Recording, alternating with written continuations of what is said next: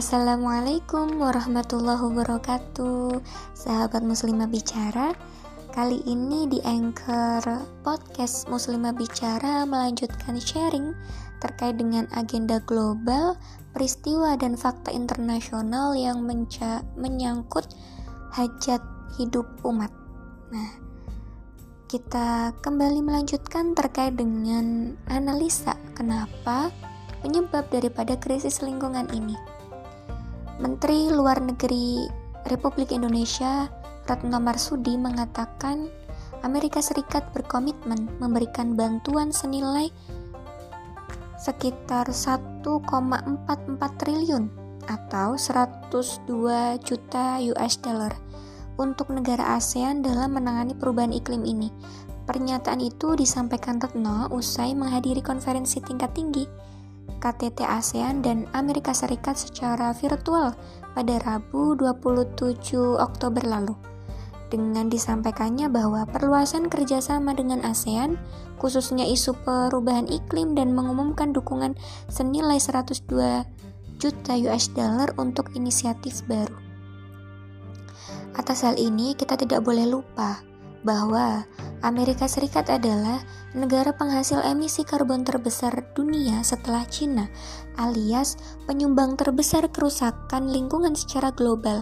Kucuran dana ini tidak lebih dari upaya mencuci dosa dengan memberikan bantuan pada negara tropis yang berperan sebagai paru-paru dunia.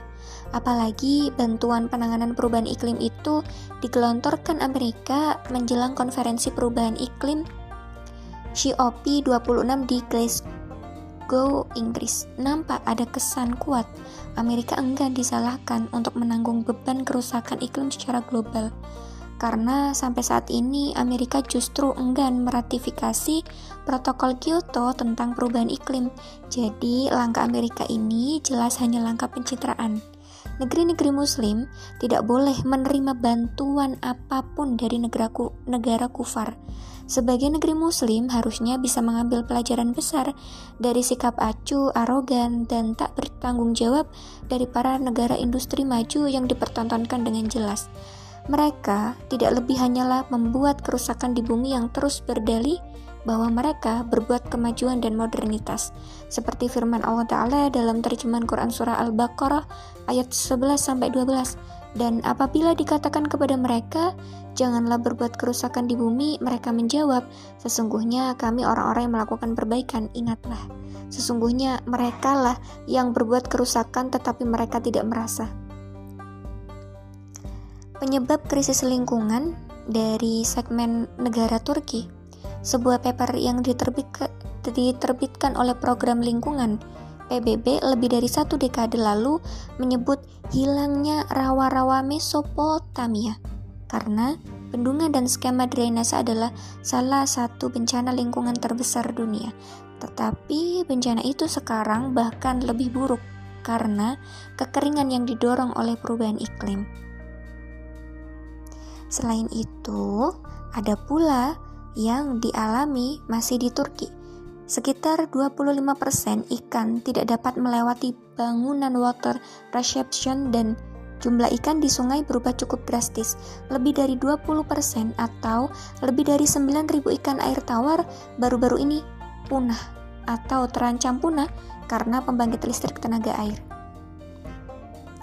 Dampak perubahan iklim di Asia Tenggara, penyumbang besar dari emisi Indonesia adalah deforestasi, yaitu dan kebakaran hutan, terutama di lahan gambut.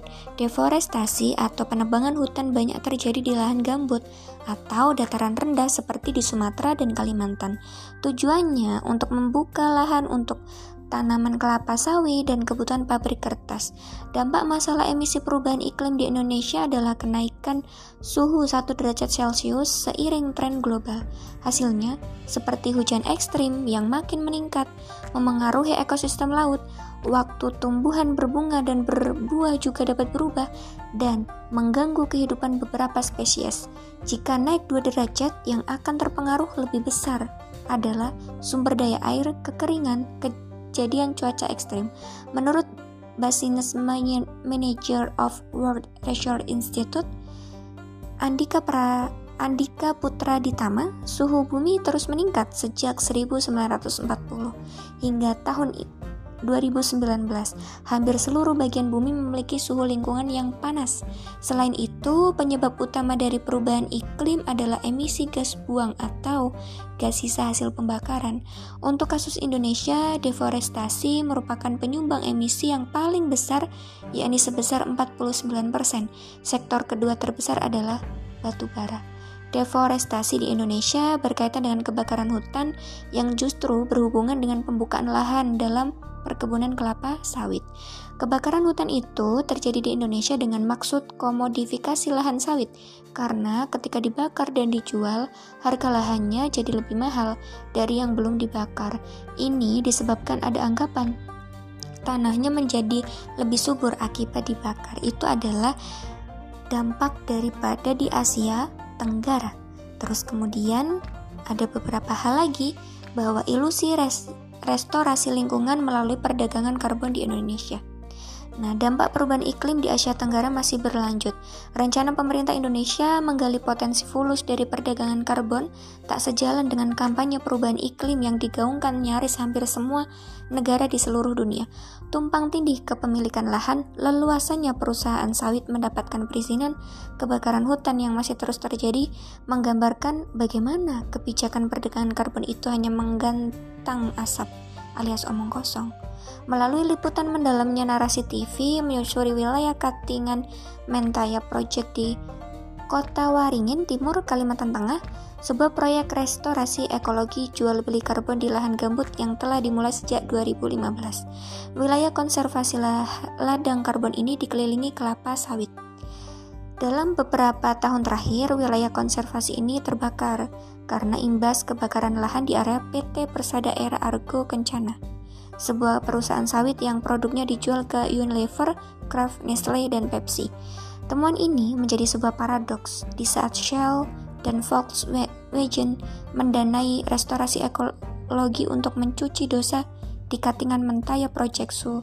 Sementara Unilever, Kraft, Nestle, dan Pepsi menjadi konsumen perusahaan sawit yang menjadi biang keladi kerusakan lahan di wilayah konservasi yang mereka danai lantaran pemerintah Indonesia memberikan izin kepada perusahaan itu di lokasi yang sama. Asia Tenggara akan alami efek terburuk perubahan iklim. Nah, dampaknya adalah daripada lembaga riset dan konsultasi bisnis ekonomi McKinsey menyebutkan kawasan Asia Tenggara berpotensi mengalami dampak perubahan iklim paling parah di dunia dalam 30 tahun ke depan. Dampaknya menimbulkan kemerosotan kehidupan, menurunkan pertumbuhan ekonomi suatu negara, beberapa ancaman akibat perubahan iklim di kawasan Asia Tenggara seperti banjir, kekeringan, angin topan, hingga meningkatnya panas maupun kelembapan. Negara yang berpendapatan per kapitanya rendah cenderung mengandalkan iklim, dibandingkan negara yang kaya. Sebagian besar negara dengan pendapatan per kapita lebih rendah masih mengandalkan pekerjaan di luar lapangan serta berbasis sumber daya alam. Negara-negara di kawasan ini akan mengalami peningkatan panas dan kelembapan. Misalnya, pada 2050 kemungkinan curah hujan ekstrim dapat meningkat 3 sampai 4 kali lipat di Indonesia. Perubahan iklim akan mengurangi 8% hingga 13% produk domestik bruto di kawasan tersebut. Bahkan pada tahun 2050 diperkirakan PDB di Asia akan berkurang mulai dari 2,8 triliun US dollar hingga 4,7 triliun US dollar. Negara dengan pendapatan per kapita rendah bakal lebih rentan mengalami kemerosotan ekonomi. Nah, kemudian akar masalah daripada terjadinya beberapa penyebab yang yang dialami beberapa negara ini adalah satu, sistem kehidupan yang diterapkan kapitalisme yang menggagalkan upaya perubahan serius terkait masalah iklim. Masalah ini sudah menimpa berbagai negara. Angka-angka dari Jubil Jubilee Debit Combine menunjukkan bahwa 34 negara termiskin di dunia menghabiskan dana sebesar 29,4 miliar dolar untuk membayar utang dalam setahun, sementara hanya mengeluarkan 5,4 miliar dolar untuk langkah-langkah mengurangi dampak darurat iklim. Ju Bailey Campaign memperkirakan bahwa pada tahun 2025 34 negara yang tercakup dalam penelitian ini akan menghabiskan tujuh kali lebih banyak dana untuk membayar utang. Sementara membatasi dampak perubahan iklim ini masih kosong. Kapitalisme adalah ideologi barat yang menggerakkan ambisi kolonial mereka memperkaya diri sendiri dengan segala macam cara, termasuk menghancurkan kehidupan jutaan hak hidup manusia, memiskinkan dunia, merusak tatanan kehidupan, merusak lingkungan alam. Semua ini adalah hal yang layak diterima oleh kaum kapitalis yang hanya mementingkan kepentingan, keuntungan, dan manfaat. Pinjaman yang diberikannya tidak pernah murah hati karena selalu menjadi bagian dari skema yang lebih besar untuk semakin mengendalikan dan mengeksploitasi para korbannya. Maka, tidak mengherankan, meskipun ada ancaman perubahan iklim yang nyata, para kapitalis tetap memprioritaskan keuntungan jangka pendek mereka. Oh, alam bisawab, insya Allah akan kita lanjut kembali penyebab apa yang menimpa umat dan bagaimana cara menyelesaikan dari perspektif yang benar. Jazakumullah khair. Wassalamualaikum warahmatullahi wabarakatuh.